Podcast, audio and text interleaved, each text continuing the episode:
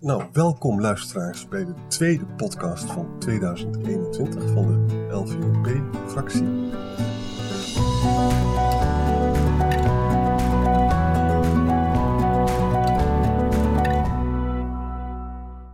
We nemen dit op uh, zondag 16 mei in de avond. Uh, ik zit zelf in Doorn. Mark, in welke stad bevind jij je? In Amsterdam. In Amsterdam. En in Sof de achtertuin. Ja. En Sophie, jij zit in uh, Eind... oh, Eindhoven. Eindhoven, ja. Dus we hebben weer een multisteden podcast. Hè? En we nemen het dus op met software die op afstand kan gebeuren. Oké, okay, in deze podcast gaan we het hebben over iets heel interessants, over de relatie tussen pensioenfondsen en de klimaatcrisis. Pensioenfondsen hebben natuurlijk een grote kas en hun beleggingsbeleid kan natuurlijk grote gevolgen hebben voor het beleid van de fossiele industrie. Dus als je de klimaatcrisis wil bestrijden, dan zul je ook over pensioenfondsen moeten spreken. Um, aanwezig zijn allereerst uh, Sophie Vaas, uh, van de LVOP-fractie. Zij is voorzitter van de commissie Beleggingen. Zij is een duurzaamheidsspecialist van de fractie. En in haar vrije tijd is ze ook nog biologie-docenten. In mijn vrije tijd, ja. ja. En uh, dan hebben we een hele bijzondere gast, Mark van Baal. Hij is oprichter van de vereniging Follow This. Hij vertegenwoordigt circa 4600 aandeelhouders die een duurzame koers voor de olieindustrie voor ogen hebben. Dus Mark van Baal heeft er dus eigenlijk voor gekozen om de, zeg maar de fossiele industrie van binnenuit te veranderen. Dat is eigenlijk heel interessant wat er gebeurd is. Hij is uh, afgestudeerd als ingenieur aan de Technische Universiteit Delft in 1933. Begon, 1993, sorry. En hij begon zijn carrière uh, met het verkopen van koelsystemen over de hele wereld, neem ik aan. En toen uh, eind 2015 is hij een carrière begonnen als energiejournalist. En en nu gooit hij dus over een andere boeg. Hij wil dus vanuit die oliebedrijven, van, met die aandeelhouders, proberen dingen te veranderen. Hij dient daarvoor tijdens aandeelhoudersvergaderingen van die oliebedrijven klimaatresoluties in, waarin dus de groene aandeelhouders oliebedrijven oproepen om hun emissiedoelen in lijn te brengen met het klimaatakkoord van Parijs. Follow This heeft aandelen in verschillende grote oliebedrijven zoals Shell, BP, Chevron, ExxonMobil en Equinor. Dat is allemaal heel erg interessant. De visie van Mark van Baal is dat de olieindustrie het klimaatakkoord van Parijs kan maken of breken. Dus de regeringen kunnen maar zoveel doen, maar als de olieindustrie niet zijn beleid verandert, dan wordt het allemaal heel erg lastig. Mark van Baal, welkom in deze podcast. Goedenavond, leuk om te zijn. Ja, en mijn eerste vraag is eigenlijk, wat doet u nou eigenlijk precies met uw organisatie? Kunt u dat aan de luisteraars nog eens uitleggen? Ja, laat ik dan eerst zeggen wat onze missie is. Dat is, dat is daar kan ik heel kort over zijn. Uh, onze missie is om te zorgen dat de olieindustrie, die, zoals je net al zei, het klimaatakkoord van Parijs kan maken uh, of breken. Zorg dat de olieindustrie verandert. En dat doe ik door aandeelhouders, de olieindustrie, oliebedrijven te laten steunen uh, om radicaal van koers te veranderen. En totaal anders te gaan investeren. En uh, minder in fossiel gaan investeren en meer in, in duurzaam. Dus, en, en, dat doe ik via de aandeelhouders, omdat ik denk dat dat de enige manier is waarop dat werkt. Naast alle andere druk die er is, hebben de aandeelhouders een doorslaggevende rol in het beleid van zo'n oliebedrijf.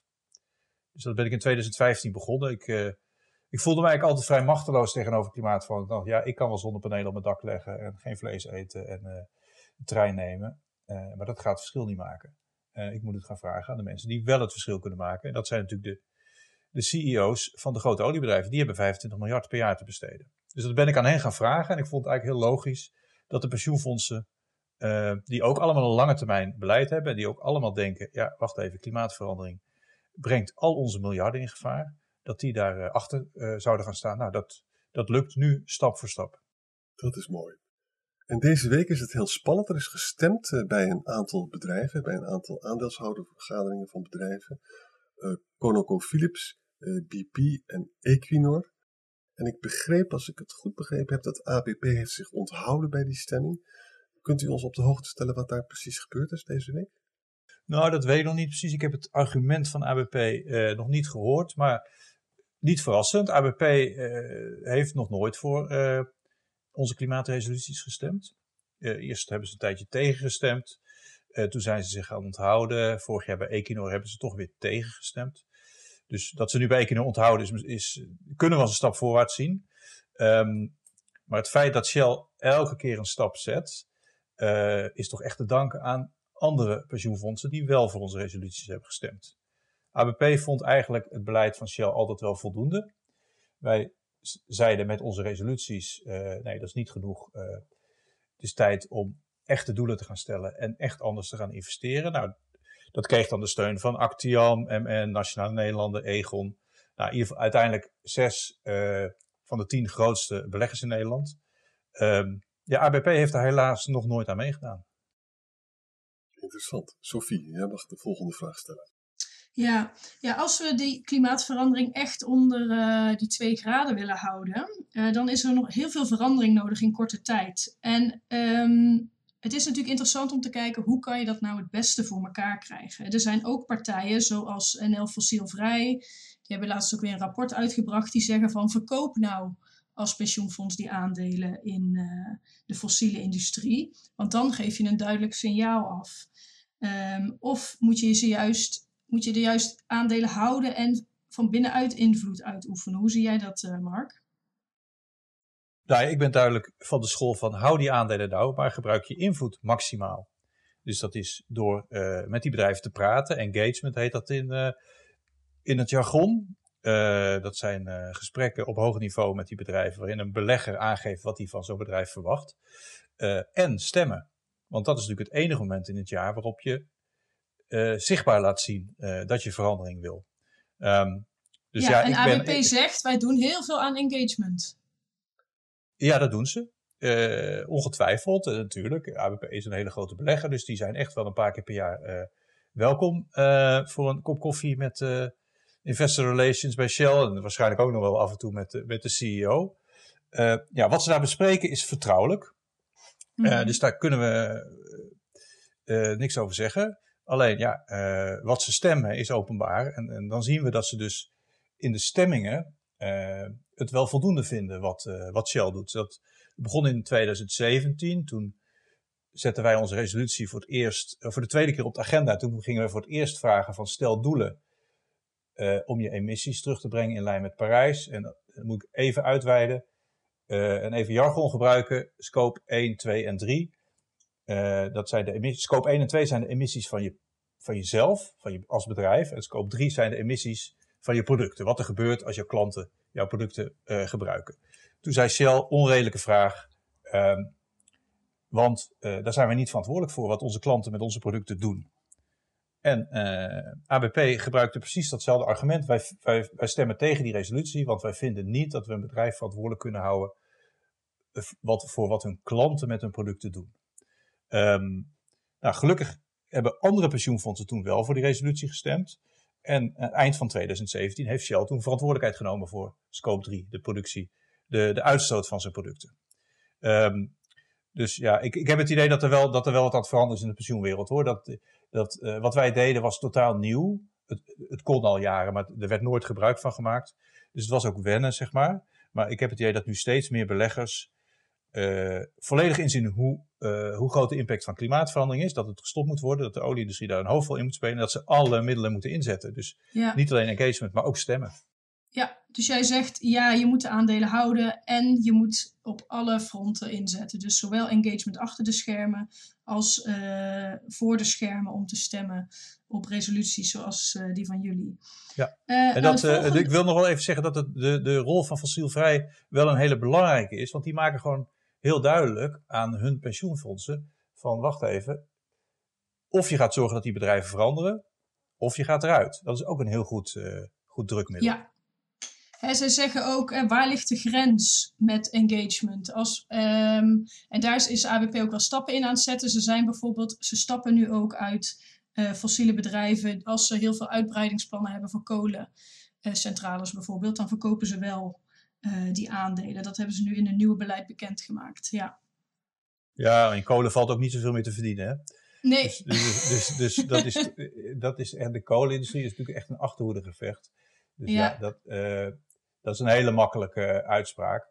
Het gaat er natuurlijk om, wat ga je die olie- en gasindustrie laten doen? Ga je die nog op dezelfde manier als de kolenindustrie op de rem laten staan? Of ga je die. Uh, en dat is wel een mooi bruggetje naar mijn volgende punt. Hè? Want je ziet dat ze in de praktijk toch meer voor de geleidelijke weg zijn. Dat zie je ook in interviews die geven. Ja, je moet ook niet te snel willen gaan. Uh, maar als we die klimaatverandering willen tegenhouden, moeten we wel snel veranderen. Ja. Uh, nou kun je ze bij een pensioenfonds, die belegt natuurlijk haar geld voor alle deelnemers. Hè? En niet alle deelnemers van ABP vinden duurzaamheid even belangrijk. Je zou dus wel kunnen zeggen, het is uitlegbaar dat ze niet super idealistisch zijn en dat ze voor de weg van geleidelijkheid gaan. Maar in hun eigen beleid zijn ze heel erg ambitieus. ze zeggen expliciet dat uh, energiebedrijven het in lijn uh, met Parijs moeten stellen, dus ruim onder die 2 graden. En dat ze dat ook moeten vertalen naar meetbare doelen op de korte en middellange termijn. En, da en dan, dat is waar voor mij de schoen wringt, hè, want ABP doet best wel wat. Maar als je zo ambitieus beleid hebt, waarom stemmen ze dan niet voor jullie resolutie? Ja, dat is, dat is de grote vraag. Uh, laat ik eerst zeggen dat, dat die hele, uh, dat hele dilemma kiezen tussen duurzaamheid en rendement en, het, en indexering of of hoe je dat ook maar moet noemen, dat dat gewoon een vals dilemma is. Het is gewoon, als het Parijsakkoord van Parijs, als het klimaatakkoord van Parijs niet halen, dan zijn al die miljarden in, in, gevaar en zijn al die pensioenen in gevaar. Dus het is volledig logisch dat al die beleggers zeggen, ja, wij hebben een lange termijn beleid, wij beleggen nu geld voor Sophie, je hebt het pas over 40 jaar nodig, denk ik. Ja, zoiets. Dus uh, tuurlijk moet dat in duurzaam en tuurlijk moet dat, moeten we dat klimaatakkoord van Parijs halen. En dat is echt een, een verschuiving die ik heel erg zie in de discussies die ik de afgelopen vijf jaar heb gehad. Vijf jaar geleden gingen ze nog naar zo'n engagement toe bij zo'n oliebedrijf. En dan zei, de, uh, zei dat oliebedrijf, ja, maar wij hebben echt wel meer verstand van olie en gas dan jij beleggen. Want jij, morgen zit je bij Unilever en overmorgen zit je bij Philips. Jij moet overal verstand van hebben. Uh, dus laat dit nu maar aan ons over. Hè? Uh, geef ons nou maar maximale flexibiliteit om maximale winst te maken. Maar nu zegt zo'n belegger, tegen zo'n oliebedrijf. Wacht even, tuurlijk heb jij meer verstand van olie en gas, maar ik heb meer verstand van klimaatverandering. Ik weet dat klimaatverandering, als we Parijs niet halen, miljarden gaat kosten en daarom moet jij veranderen. En hoe je het doet, dat is aan jou. Maar jij moet nu uh, gaan veranderen. Dus terecht dat ABP's uh, eh, beleid in woorden heel ambitieus is. Mm -hmm. Alleen, ja, we hebben geen tijd meer voor een, nog een rondje discussies ja. met die oliebedrijven. Ze staan al veel te lang op de rem. En ja, als ze op tijd waren begonnen, had het geleidelijk gekund. Het kan niet meer geleidelijk. We moeten, om prijs te halen, moeten we in 2030 uh, 25 tot 45 procent minder uitstoten. Dat is nog nooit gebeurd. Hè? Elk jaar gaan we meer uitstoten. Mag ja. ik daar een vraag over stellen? Van, ik hoorde laatst een heel intelligent verhaal van een belegger over Shell. En die legde mij dus uit, dat, dat merk ik ook bij mijn studenten. Studenten willen niet meer werken bij Shell. Dat vinden ze een oude industrie. Ze willen graag uh, in de IC-wereld in en zo. Hè. Je ziet ook dat met het aandeel Shell, dat heeft zijn beste tijden wel gehad. En eigenlijk de enige reden waarom mensen dat nog willen hebben, is omdat ze zoveel dividend uitkeren. Dat is eigenlijk het spelletje wat ze spelen. Dat maskeert de situatie dat het eigenlijk helemaal niet zo goed gaat met Shell. Waarom is het nog steeds zo dat er zoveel belangstelling is voor die, voor die Shell-aandelen? Komt dat alleen maar door die hoge dividenduitkering? Nou ja, sinds, sinds vorig jaar is, er niet, is dat dividend helemaal niet zo hoog meer. Hè? Dus Ook dat, derde. ja. Voor het eerst sinds de Tweede Wereldoorlog is het omlaag gegaan en wel met twee derde. Dus dat dividend is helemaal niet zo goed meer. En het is inderdaad zo dat Shell lang niet meer zo populair is. Uh, toen ik afstudeerde in Delft, uh, jaren negentig, nou dan was dan... Uh, wilde je daar naartoe? wilde iedereen, bijna iedereen er naartoe. dat was ook een soort teken van, nou dan was je wel heel intelligent. En, en heel er waren ook allemaal hele aardige mensen die naar Shell gingen. Dus het was een soort, nou, als je bij Shell werd aangenomen, dan, dan kon je echt wel op applaus van je vrienden rekenen. Ik, ik, ben, ik ben heel erg blij dat ik nooit gesolliciteerd heb, omdat Zuid-Afrika zat mij toen te dwars. Stel je voor dat ik het wel had gedaan, afgewezen was, dan konden ze nu zeggen van, ja, ja je had al eigenlijk bij ons willen werken. maar dat is een beetje aan het verdwijnen. Maar het zou wel een fantastisch bedrijf kunnen zijn. Het is een wereldwijd bedrijf, 90.000 mensen, hartstikke slimme ja. mensen. Uh, alleen, uh, ja, dan moeten ze wel heel snel gaan veranderen. Kijk, ja. er is geen tijd meer voor geleidelijkheid. En het Ja, kan ik moet zeggen, Mark, je hebt mijn ideeën daar ook wel over veranderd. Want eh, ik was eerst ook heel erg van uitstappen. Maar eh, die grote energiebedrijven zoals Shell, die hebben zoveel kennis in huis, zoveel geld en zoveel machines en infrastructuur.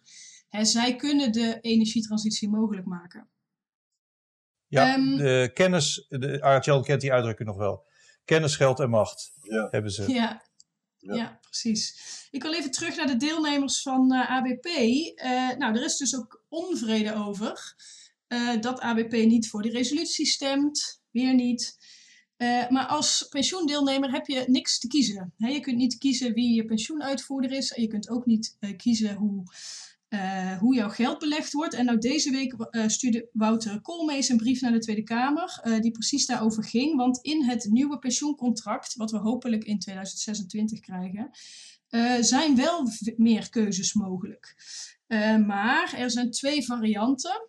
De ene heet de verbeterde premieregeling en het andere is een regeling met een solidariteitsreserve. En alleen bij die verbeterde premieregeling, dan heb je echt je eigen pensioenpotje, eh, zijn dat soort keuzes makkelijk mogelijk. En dan kun je dus zeggen, ik wil bijvoorbeeld dat mijn eh, geld eh, maximaal groen belegd wordt. Of ik wil een hoog risico of een lager risico met mijn geld. Maar nu hebben wij ook vorige week of twee weken terug gehoord dat de pensioenkamer, dat zijn de vakbonden en werkgevers afgevaardigden, eh, die de pensioenregeling bij ABP bepalen, die hebben alvast een soort van, voor, die sorteren helemaal voor op eh, die andere variant met het solidariteitsreserve, wat op zich niet slecht hoeft te zijn, maar het maakt alles wel complexer en je hebt minder keuze. Ehm, en ik ben benieuwd, Mark, wat vind jij ervan dat dan ook in het nieuwe pensioencontract deelnemers eigenlijk weer niks te kiezen hebben direct? Ja, dat lijkt me heel erg nadelig. En dat is. Ik kan alleen maar gissen waarom eh, ABP eh, altijd eh, tegen klimaatdoelen stemt. Want dat doe je eigenlijk als je tegen onze resolutie stemt. Ondanks het feit dat er heel veel druk van hun deelnemers is. We hebben een keer een brief van 100 hoogleraren gehad. Die zeiden, ja, ga nou alsjeblieft eens een keer voorstemmen. Gebruik nou al je invloed. Heeft ook wereldwijd eh, heel, veel, eh, heel veel impact. Want iedereen kijkt toch naar wat eh, een van de grootste pensioenfondsen ter wereld doet. Mhm. Ja, ik denk wel eens een van de redenen dat ABP zich daar niet zoveel van aan heeft getrokken, is dat die hoogleraren die konden nergens anders heen. Dus hoe, meer, hoe meer keuzevrijheid er is, hoe, hoe eerder ABP ook gaat kiezen. Maar goed, laten we niet te pessimistisch zijn. Laten we eerst dinsdag afwachten. Kijk, het is niet vol te houden om tegen, hier tegen te blijven stemmen. Mhm. Er komt een moment dat ABP voor gaat stemmen. En, en misschien, laten we hopen dat het dinsdag is. Ja, wat is er dinsdag, eh, Mark? Ja, oh ja, dinsdag is de aandeelhoudersvergadering van Shell. Ja. Ehm, nou, dan eh, komt onze resolutie, klimaatresolutie, voor de vijfde keer ter stemming. Ehm, nou, het is, heel, het is een hele simpele resolutie. Stel doelen die aansluiten bij het klimaatakkoord van Parijs. Ehm, voor al je emissies, dus niet alleen die van jezelf, maar ook van je producten. En dat betekent dus eigenlijk dat we vragen ja, eh, emissies terugbrengen met 25 tot 45 procent in 2030 en 70 tot Ja. 100 procent in 2050. Nou, dat kan alleen door radicaal anders te gaan investeren. Dat staat er niet in, want anders krijg je niet genoeg beleggers mee. Zeg maar. Beleggers zitten niet graag op de stoel van de bestuurder. Mhm. Eh, dus het is een soort, ja, laat ik zeggen, glazen Trojaan, Trojaans paard. Iedereen ziet wat erin zit. Maar eh, de consequentie is wel anders investeren. Dat is ook de reden dat Shell er ook liever niet aan wil. Ehm, Ja. En dus, ehm, ja, daar wordt dinsdag weer over gestemd. En eh, ja, Shell heeft natuurlijk eh, heel veel beloften gemaakt in de afgelopen jaren. Onder druk van de aandeelhouders. Hè, Mhm. eh, die voor, voor die resolutie stemden.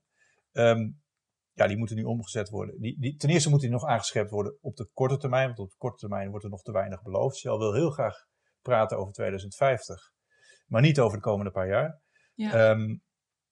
En dan moet er anders geïnvesteerd gaan worden. En Ja. dat is weer ter stemming. En dus, dus eigenlijk eh, woens- eh, dinsdag eh, is er een keuze tussen Shell's huidige strategie en de resolutie van Follow This. Die zegt hartstikke goede stappen gemaakt. Maar ga alsjeblieft Ja. ook die En korte en zoals middellange altijd termijn doelen. adviseert het bestuur van Shell om tegen te stemmen, denk ik. Ja, die hebben dat, dat, dat doen ze zes weken van tevoren. Dan publiceren ze de agenda van de aandeelhoudersvergadering. En dan zeggen ze tegen hun aandeelhouders: stem hier tegen.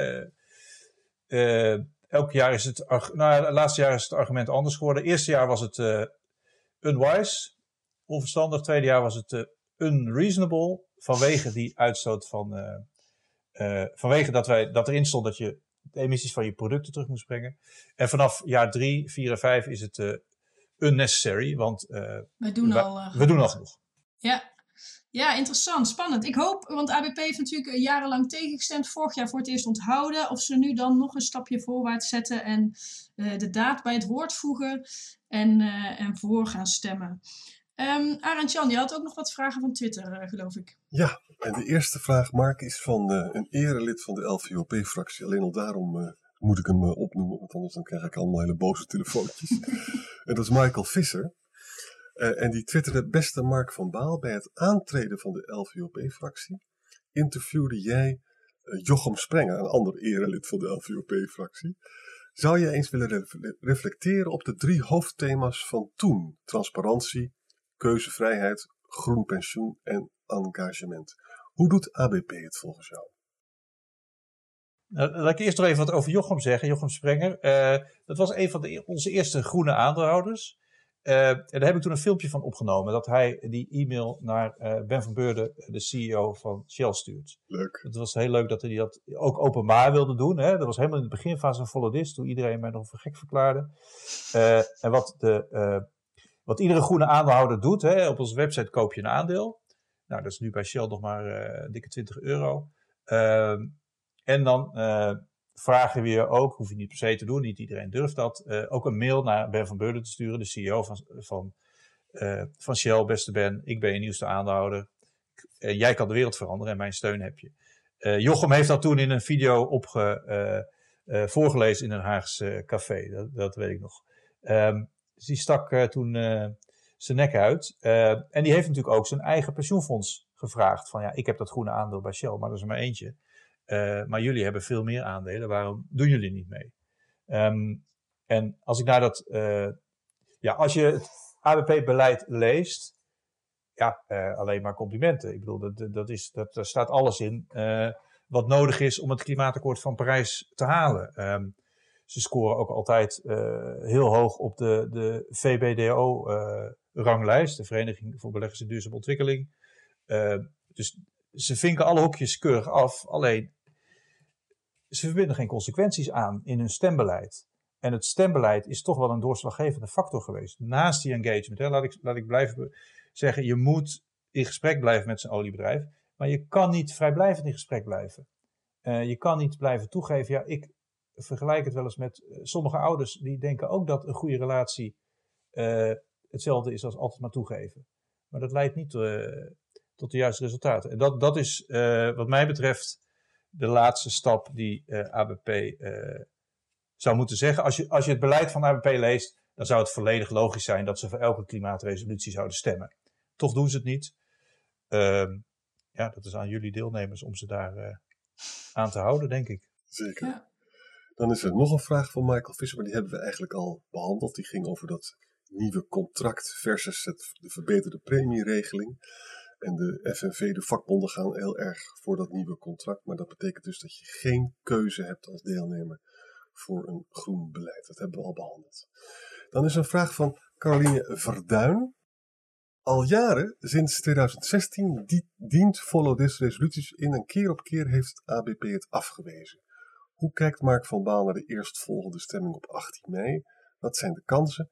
Kan ABP nog tegenstemmen nu we juist weten dat duurzaam investeren toekomstbestendiger is. We hebben het al een beetje behandeld, maar antwoord nog maar deze vraag ook nog even, denk ik. Ja, volgens mij is een retorische vraag. Uh, ja. het zou wat mij betreft niet meer kunnen. Uh, dus laten we dinsdag afwachten. Kijk, dit is... Uh, wij vragen helemaal niks geks. Hè? We vragen alleen maar doe mee aan het klimaatakkoord van Parijs. Ja. Aan de hoofdrolspelers. dus het is helemaal geen gekke vraag. Het is alleen ongebruikelijk om voor zo'n voor zo'n resolutie te stemmen tegen het bestuur. Dat is ongebruikelijk. Maar de vraag is gewoon een hele logische uh, vraag. Dus uh, ja, we hebben altijd keurig lijstjes bijgehouden van, van de tien grootste Nederlandse beleggers uh, in Nederland. En nou, dat begon met Actiam, die stak in 2016 al zijn nek uit. Die hebben echt laten zien aan de rest van, hé, hey, het kan dus wel. Je kan dus prima tegen het bestuur van Shell stemmen en de deur gaat niet dicht.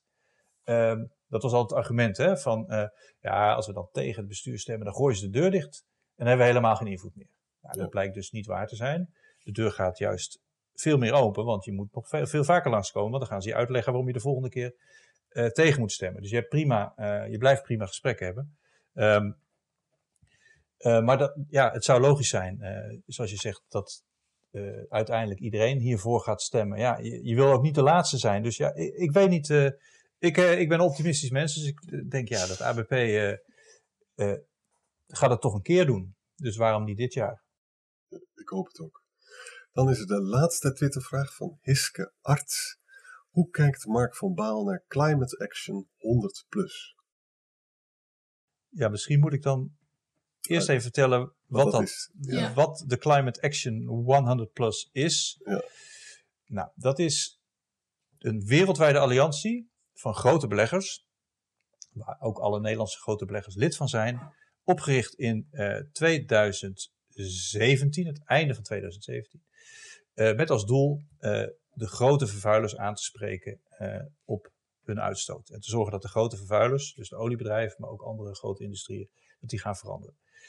Die club vertegenwoordigt intussen beleggers met, schrik niet, 50, ik moet het goed zeggen, trillion, maar dat is in het Nederlands biljart. 50 biljart aan beleggingen. Ehm, en die eh, voeren ook hele goede gesprekken met al die bedrijven. Ehm, alleen ehm, ja, het ongewenste neveneffect is dat die bedrijven dat gebruiken als excuus om niet nog verdere actie te nemen. Eh, dus een, het is een club met precies dezelfde doelen als wij. Alleen de eh, unintended consequences, hoe zeggen we dat netjes? De, de, het neveneffect is dat die oliebedrijven de CA100 Plus gebruiken als excuus om, eh, om niet nog meer maatregelen te nemen. Ik, ik heb natuurlijk veel aandeelhoudersvergaderingen bijgewoond. En bij BP in Aberdeen, bij eh Equinor in Stavanger, kreeg ik van de CEO's elke keer hetzelfde te horen. Ja, eh, die resolutie van jou is niet nodig, eh, want we hebben de steun van de CA 100 Plus. En dat zijn zoveel eh biljart aan beleggingen. Mhm. Ehm, dus, dus ja, een hele machtige club, maar ik vind dat ze hun macht niet voldoende gebruiken. Want eh, ABP stemt ook voor die resoluties. Maar wat is dan het verschil tussen hun resolutie en die van jullie? Nou, ze, de, eh CA100 Plus heeft inderdaad bij BP een keer een alternatieve resolutie ingediend.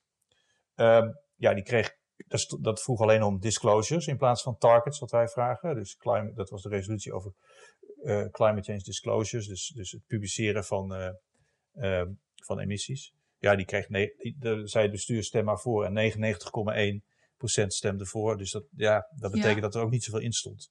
Eh, en ze hebben ook met Shell wel eens een joint statement gemaakt. Ehm, nou ja, dat eh, eh, hele goede bedoelingen. Ehm, maar ik hoop toch echt dat ze komend jaar eh, wat, eh, ja, er wat steviger in gaan zitten en, en er ook stemconsequenties aan verbinden. Ze hebben wel dit jaar iets heel goeds gedaan. Ze hebben een rapport geschreven over alle oliebedrijven. Of nou, eigenlijk over meer dan 100 bedrijven. Er zat de hele olieindustrie ook in. Hebben ze ze aan heel veel criteria eh, onderworpen. Dat heette de CA100 Plus benchmark, de Net Zero Company benchmark. En daar komt eigenlijk glashelder uit dat geen één oliebedrijf in lijn met Parijs is. Ook Shell niet. Ja, Eh, ook BP niet. Ehm, dus we hoopten eigenlijk dat ze daar dit jaar consequenties aan zouden verbinden. En dan zouden ze zeggen, nou dan gaan we ook die klimaatresolutie steunen. Dat hebben ze nog niet gedaan. Eh, wel een flink aantal van hun leden hebben het wel gedaan. Bij BP eh 21 procent. Nou, dat, dat is dus ook ongeveer 20 procent van die leden van die Sierra 100 Plus. Ehm, maar goed, wat mij betreft zouden ze er eh, wat eh, steviger in kunnen zitten. Eh, Ik heb een een opiniestuk geschreven in een Engelse krant. eh, waar, eh, met als koppen: "Bi- You're bigger than big oil. Nou ja, gedraag je daar dan ook naar? Zeg helemaal tot slot nog een vraag die me persoonlijk zo interesseert. Ik ben eh van overtuigd dat, we, dat de klimaatcrisis echt heel erg groot is. Ik begrijp helemaal niks van de klimaatontkenners. Want het is gewoon zo dat 99,9% van de experts zeggen dat het heel ernstig is. Hè? Nou, dan lijkt me verstandig om die mensen te geloven. Maar dat betekent dus dat je eigenlijk alles uit de kast moet trekken. En, en hoe zou nou zo'n energiemix er dan uit moeten zien? Want met wind en, en, en zon en water alleen gaan we het gewoon niet redden. Dat, dat, dat, dat, hoe zie je dat persoonlijk? Inderdaad, we moeten alles uit de kast trekken. Uh, maar we moeten wel constateren dat het technisch geen enkel probleem is. Zon levert binnen een uur genoeg energie aan de wereld om de wereldeconomie een jaar te laten draaien. Dus factor 10.000. Uh, dus er is genoeg energie. Uh, en er zijn ook steeds meer uh, manieren om die, die zonne-energie heel goedkoop om te zetten in bruikbare energie, elektriciteit, warmte. Um, de enige, en het wordt steeds goedkoper. Dus we hebben dus, we, we hebben dus de, de oude fossiele industrie, waarbij het steeds duurder wordt om die olie uit de grond te halen. Ze moeten steeds verder de zee op, ze moeten steeds dieper boren, ze moeten naar de Noordpool. Dus het wordt steeds duurder. En dan hebben we een alternatief, technologie. Technologie wordt altijd goedkoper als het massaal gebruikt wordt. Dus dat, uh, dat is aan de hand. Het enige, uh, laten we zeggen, issue die er nog is, het enige probleem is de opslag. Dat is inderdaad wel een groot probleem, maar batterijen worden steeds goedkoper. Straks hebben we uh, een wagenpark van elektrische auto's met batterijen die als ze stilstaan aan het net staan en terug kunnen leveren. Ja. Uh, uh, duurzame energie, vooral duurzame elektriciteit, zal zo goedkoop worden dat het misschien wel op sommige momenten van de dag gratis is. Kun je er waterstof van maken. Dan heb je het weer. Dan heb je dus opgeslagen energie. Van waterstof kun je weer brandstof van maken. Dus die technologieontwikkeling gaat dus zo hard uh, dat het technisch geen probleem is. Is economisch dus ook geen probleem, want het wordt steeds goedkoper. Het enige probleem is welke verdienmodellen, welke businessmodellen horen daarbij. En dat is bij elke transitie, grote transitie, is het zo dat de gevestigde orde op de rem staat, omdat ze zich niet kunnen voorstellen dat er een ander businessmodel is uh, dan uh, dat, zij, dat zij op dat moment hanteren. ik gebruik altijd Kodak. Mensen die me vaker horen, worden natuurlijk een beetje moe van. Maar dat is zo'n helder voorbeeld van een bedrijf dat notabene digitale fotografie zelf had uitgevonden. Nou ja, uh, de man die dat had uitgevonden kwam in de directiekamer en de directie zei, uh, ja wacht even, dus die liet dan, maakte een foto van 100 bij 100 pixels, zet, liet het op een tv-scherm zien. De directie zei, wie gaat er ooit zijn foto's op het tv-scherm willen bekijken? En vraag 2, hoe ga je hier ook 80% marge mee maken, met, met, wat met onze fotorolletjes maken? Dus de gevestigde orde, uh, de leiding van de gevestigde orde zal altijd op de rem staan, omdat zij niet anders weten dan op een bepaalde manier geld verdienen. Ja, ja je bent ook wel heel optimistisch over de technische mogelijkheden. Ik denk wel dat het nog even duurt voordat het goedkoper is. En juist in de jaren dat we het eigenlijk het verschil kunnen maken. Uh, en, en, dat dat ook wel een reden is dat het nu moeizaam is. Omdat het nu nog niet, we kunnen het, het is niet zomaar goed. vervangen. Nou ja, als we, als we gewoon de fossiele industrie gewoon, uh, van, als we de subsidie van de fossiele industrie eraf zouden halen, dan zou het uh, al veel goedkoper zijn. Hè? De fossiele industrie heeft natuurlijk altijd subsidie gehad om zijn afval in, in de atmosfeer te dumpen. Ja. Daar hoeven ze niet voor te betalen. Als, dat, als er eenmaal CO2-belasting komt, gaat het nog harder. Maar zelfs zonder dat technologie, uh, die windparken op de Noordzee gaan nu zonder subsidie.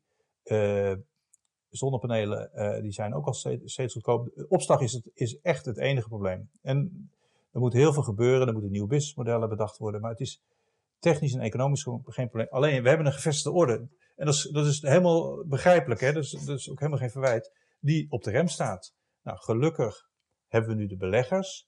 Die zo'n groot belang hebben bij verandering, vanwege klimaatverandering, dat die die gevestigde orde gaan dwingen. Uit zichzelf gaan ze het niet doen. Dat, dat, ja. Ik heb dat wel eens verteld. Dat, dat, ik heb nog wel eens gedroomd dat er, dat, dat er moest. Ik dacht, er moet toch één CEO van een oliebedrijf een keer een, een emotioneel emotionele discussie met zijn kinderen hebben en een slapeloze dag en het licht zien. Maar dat, dat gaat niet gebeuren. Maar gelukkig gaan die beleggers ze nu uh, dwingen. En eigenlijk zou ook de EU en de regeringen moeten gewoon massaal geld geven om dat opslagprobleem op te lossen. Voor de allerknapste koppen van de wereld. Wat zou dat geweldig zijn als we dat konden oplossen binnen een paar jaar. Dan komen we verder, toch? Gewoon heel veel goede ingenieurs erop zetten. Ingenieurs ja. lossen het wel op. Ja. Zij de ingenieur. Ja, niet, ik niet meer hoor. Ik kan het niet meer. Uh, zeg Mark, ik wil je heel hartelijk danken uh, voor je bijdrage aan deze podcast. We komen vast nog een keer bij je terug. Uh, mede namens Sofie wil ik de luisteraar bedanken voor het beluisteren van deze podcast. We gaan er vast binnenkort weer eentje maken. Al weet ik even niet op mijn hoofd dat er allemaal nog in de, op de agenda staat. Maar het komt er zeker aan. Met andere woorden, hartelijk dank voor het luisteren en tot de volgende keer.